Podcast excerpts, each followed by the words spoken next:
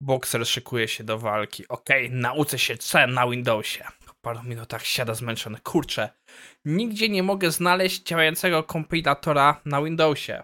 Coś o tym wiem. Ja się co uczyłem na Linuxie, ale gdzieś kiedyś chciałem spróbować na Windowsie. Miałem ten sam problem. No i dzisiejsze tematy to jest jakość inaczej, tanie usprawnienia. Zaczynamy dzisiejszy odcinek.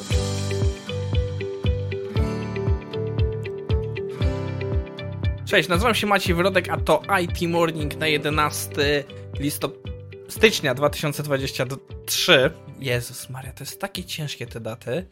I w dzisiejszym odcinku e, ogłoszeń parafialnych jadę w delegację, więc e, jutrzejszy i pojutrzejszy odcinek będą nagrywane e, kamerką w telefonie z telefonowym mikrofonem, więc będzie to wyglądało trochę gorzej. Mam nadzieję, że was to nie odstraszę. Naszym pierwszym materiałem na dzisiaj i udało mi się zrobić poprawne przełączenie, ale artykuł jest na dole. E, jest artykuł z blogu Agile Testing Fellowship. Jest to mm, community, grupa szkoleniowa, ciężko, nie wiem jak to do końca opisać, prowadzona przez Lisa Crispin i Janet Gregory. Jeśli nie wiecie, e, kto to jest, polecam się z oboma paniami zapoznać. To są bardzo doświadczone osoby, jeśli chodzi o testowanie i one praktycznie przecierały szlaki, jeśli chodzi o testowanie w Agile'u. Ich książki jak Agile Testing, More Agile Testing, moim zdaniem dla wielu z nas świadomiej lub nieświadomiej były podstawy tego, jak właśnie testujemy w środowiskach agile'owych. Parę lat temu wypuściły książkę Agile Testing Condensed, która jest taką trochę odświeżoną wersją tamtych dwóch książek. Więc te osoby mają bardzo dużo za, e, na swoim dokonaniu. Chociażby Agile Testing Quadrants, to, to wersja, jaką my znamy, pochodzi z modyfikacji, które one wprowadziły. Tak samo piramida testów, jakkolwiek same nie stworzyły, e, to właśnie chyba Mike Cohen, jeśli że pamiętam gościa, e, prezentował to właśnie im, żeby wyjaśnić e, o co w tym chodzi, właśnie dlaczego trzeba tak myśleć o automatach. E, no okej, okay. E, a o czym, dziś rozmawiałem? Rozmawiają o różnych perspektywach na jakość. Ja w pewnym sensie te rzeczy rozumiałem, ale myślę, że powiedzenie tak tego wprost czasami też zmienia spojrzenie. Bo ja najczęściej korzystałem z definicji bazującej na, e, na definicji Jerego Weinberga, czyli że jakość to jest wartość dla kogoś. Czasami jest mówiona wersja od Bacha, że czy tam Boltona, że wartość to jest jakość dla kogoś, kto ma, kto ma znaczenie. Ja się bardziej skłaniam do tej pierwszej wersji, że to jest jakość dla kogoś. Um, lub ja czasami mówię, że to jest wartość dla stakeholderów. Czasami bezpośrednio, bezpośrednio dla nich, a czasami przez klient, ich klientów. Ale jak się okazuje, są inne spojrzenia, że David, David Garvin e, miał spojrzenie, że on widzi jakość jako właśnie takie pięć cech, że mamy e, wartość na bazie produkcji, czyli tutaj mówimy o po prostu jakiej jakości jest sam produkt, czy nie mamy dużo jego uszczerbek, czy są zwroty i tak dalej. Upraszczam to. E, drugie spojrzenie jest produkt jako właśnie sam ten produkt. Czy ma featurey, które są potrzebne, czy właśnie jego jakość wykonania jest taka, jak nas zadawala. Dalej jest kolejne spojrzenie jest to, co jest najbliższe temu, co mówił Weinberg, czyli czy użytkownik jest zadowolony. E, później mówimy o właśnie takim wartości już ROI, Rate of Interest, czyli że czy to ile musimy za to, ile nas to kosztuje, musimy za to nas zapłacić, czy nas e, naprawdę zadawala. Myślę, że dobrym przykładem mogą być te urządzenia iPlus, zwłaszcza te parę lat temu, gdy no, jakoś nie zaczęła się jeszcze obniżać.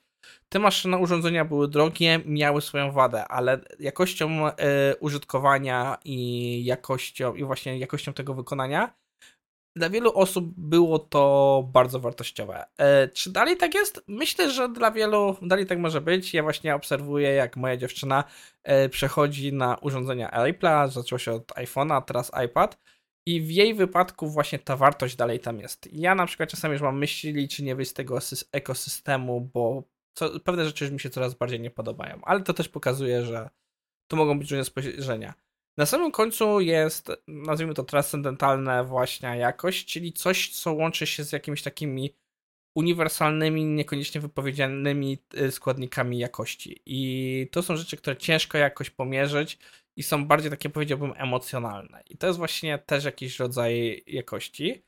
I dalej jest właśnie wersja przerobiona tego przez Annę Marię Charette, jeśli dobrze wymawiam, e, która właśnie patrzy, patrzy na te jakości z perspektywy pracy quality inżyniera, czy quality w organizacji, że mamy właśnie ten produkt, mamy infrastrukturę, mamy procesy, ludzi i wyniki. E, więc tutaj zrobiła taki, e, to się nazywa sześciokąt? Tak, sześciokąt, tylko bez jednego boku. I na bazie tego właśnie ona definiuje te rzeczy, że mamy te na przykład delivery frequency, mamy e, wartość, czyli po prostu co to dostarcza klient gotowi, jaki mamy feedback i tak dalej, i tak dalej. Tych to są w temacie metryk, mamy nasze oczekiwania, zadawanie trudnych pytań. E, mi się bardzo podoba ta definicja, którą tutaj użyła, czy metafora, że software testing to są światła na samochodzie, e, jakość to jest nasza podróż, a wartość, wartość biznesowa to jest cel podróży, tam gdzie zmierzamy. Ciekawa pomysł, myślę, że warto się temu zastanowić. E, no i um, ostatnią rzeczą, którą porusza. A nie, to jest właśnie ostatnia rzecz. Dziwne, zdawało mi się, że to jeszcze był jeden. No cóż, czasami człowiek nie pamięta. Jest to artykuł, który hmm, nie, nie chcę, żeby to zabrzmiało źle, ale nie przełoży się w waszym żaden sposób taki na codzienną pracę. Myślę, że nieważne, czy jesteście testerami, deweloperami, e, czy produkt ownerami, czy w jakichś innych rolach, warto zastanowić się, czym jest dla was jakość. Ja, jak e, robię jakieś konsultacje, e, czy szukam właśnie nowej firmy, to bardzo często osobom, z którymi mnie rekrutują, jak rozmawiam na różnych pozycjach, próbuję się dowiedzieć, czym jest dla nich jakość. I to mi bardzo pomaga zrozumieć, czy to jest miejsce, w którym chcę pracować, czy to jest miejsce, w którym potrafię się, się jakoś odnaleźć. Ok, długo gadamy o tym artykule, więc czas przejąć do naszego następnego artykułu, e, który niekoniecznie jest o testowaniu. E, jest gdzieś blisko testowania, ale e, niekoniecznie jest, przepraszam, niekoniecznie jest o IT. O testowaniu na pewno nie jest. I jest to temat, który może się na pierwszy rzut oka wydawać, że jest powiązany mocno z IT, bo mamy continuous improvement. Ale jak zobaczycie, autor cały czas mówi o projektach rządowych i to niekoniecznie musi być e, projekty, które są e, właśnie związane z IT. E, autor wspomina o tym, że nie wiem w jakim kraju, ale że powiedzmy mamy mamy co mamy 300 e, ponad 300 miliardów dolarów funty. O, funty, czyli oni to jest Brytania że mamy coś ponad 300 e, miliardów funtów do dysponowania na projekty. I z jednej strony to jest ogromna kwota, ale z drugiej strony przy ilości projektów, jakie jest do przeprowadzania, to to jest tak naprawdę kropla w morzu. E, to są pieniądze na granty, na różne takie rzeczy. I autor trochę dyskutuje o tym, jakie są problemy w, z rządami, że, z właśnie projektami biznesowymi że pierwszą rzeczą, która je, się tyczy, to jest, e, i to musiałem sprawdzić, bo nie pamiętam co to znaczy, fiefdoms to są lenna. Czyli po prostu, że można powiedzieć, mamy dystrykcyjność między różnymi senior leadershipami i nie próbują, i, i starają sobie nie wchodzić w drogę. E, jak, jak miałem okazję obserwować e, wiele korporacji, to też to często widzę. W startupach przyjmuje to trochę inną formę, ale też można to zobaczyć. Tak samo mamy kwestię, którą oni poruszają, czyli inicjatywy polityczne. Czyli, że zrobienie czegoś pewnego, e, co może być nawet wartościowe, dla nich nie ma wartości z tej perspektywy, że nie da im żadnego e, politycznego e, właśnie no, kapitału. Przykład, możemy być na jakiejś wsi, z której nawet nasz polityk się wywodzi, ale jeśli, e, ale przez to, że to jest mała wieś, która mu żadnego lektoratu nie da, to te pieniądze prędzej wyda w mieście jakimś większym, skąd może dostać więcej głosów.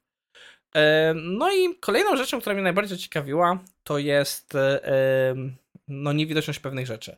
Mogą być w akcji programy, które trwają 50 coś lat, już dawno nie są potrzebne, ale nie ma nikogo, kto rozumie tę dokumentację, bo no nie każde ministerstwo i tak dalej ma pełną listę takich rzeczy. Mi to trochę przypomina sytuację taką, że jak nieraz my potrafimy mieć na produkcji jakiś działający serwis i nikt nie wie po co nie, skąd on się wziął. Nagle wyłączamy go i po paru godzinach, paru dniach przychodzi jakiś szef jakiegoś działu, który na nim się pojęcie, że jest w firmie i krzyczy, że oprogramowanie jego nie działa. Ja mam taką historię z życia, że w jednej firmie dawno temu na serwerze testowym stał jakiś serwis. Ten serwer testowy był tak naprawdę pod zarząd testerów do y, ustawienia różnych projektów, konfigurowania różnych projektów, testowania pewnych rzeczy. E, ogólnie on działał trochę podobnie jak e, on działał tak, że był cały czas włączony, że firmie nie zależało, że on nie chodził. Żeby, żeby ten, że to, że jest to drogie, ale żeby cały czas działał. I okazuje się, że ktoś kiedyś z jakiegoś powodu potrzebował na chwilę postawić na nim e, system autentykujący na produkcję. Że wszyscy jak się logowali, to proces logowania przechodził właśnie przez ten serwis testowy. I ja jak szedłem do tej firmy, e, zacząłem trochę robić porządki, co się dzieje i zobaczyłem, że na serwerze testowym mam ruch, który idzie z produkcji. Się zastanawiałem, myślałem, że to jest jakiś e, jakiś, nie wiem, może po prostu jakiś ruch testowy, jakieś sniffery mają postawione, że jakieś potrzebowali coś do debugowania, ale pytam szefa adminów, on nie ma zielonego pojęcia o co w tym chodzi, pytam jeszcze parę osób i w końcu, że szefem adminów podjęliśmy decyzję, że ubijamy. Ubiliśmy to i szybko się okazało, że nikt nie może zalogować się na produkcję. W sensie żaden użytkownik na produkcji nie mógł się zalogować, a też nie potrafiliśmy tego później postawić. Ale no właśnie to jest przykład takiego, czemu może być ryzykowne w drugą stronę zrobienia akcji. E, autor później dużo różnych rzeczy tłumaczy, ale tak naprawdę sprowadza się do tego, że e, on uważa, że da radę. Da radę robić pro, projekty po kosztach, tylko musimy umieć dobrze sprywatyzować. Może mamy jakieś rzeczy, które można po prostu najzwyczajniej dalej nie rozwijać, żeby one nas nie kosztowały. Ok, znowu wychodzę ponad czas, więc czas na podsumowanie. Jutro i pojutrze będzie odcinek nagrany komórką. E, w, a w dzisiejszym odcinku porozmawialiśmy sobie o różnych spojrzeniach na jakość i na kwestie kosztów e, i robienia continuous improvementie po kosztach. To wszystko, mam nadzieję, Wam się podobało i widzimy się jutro.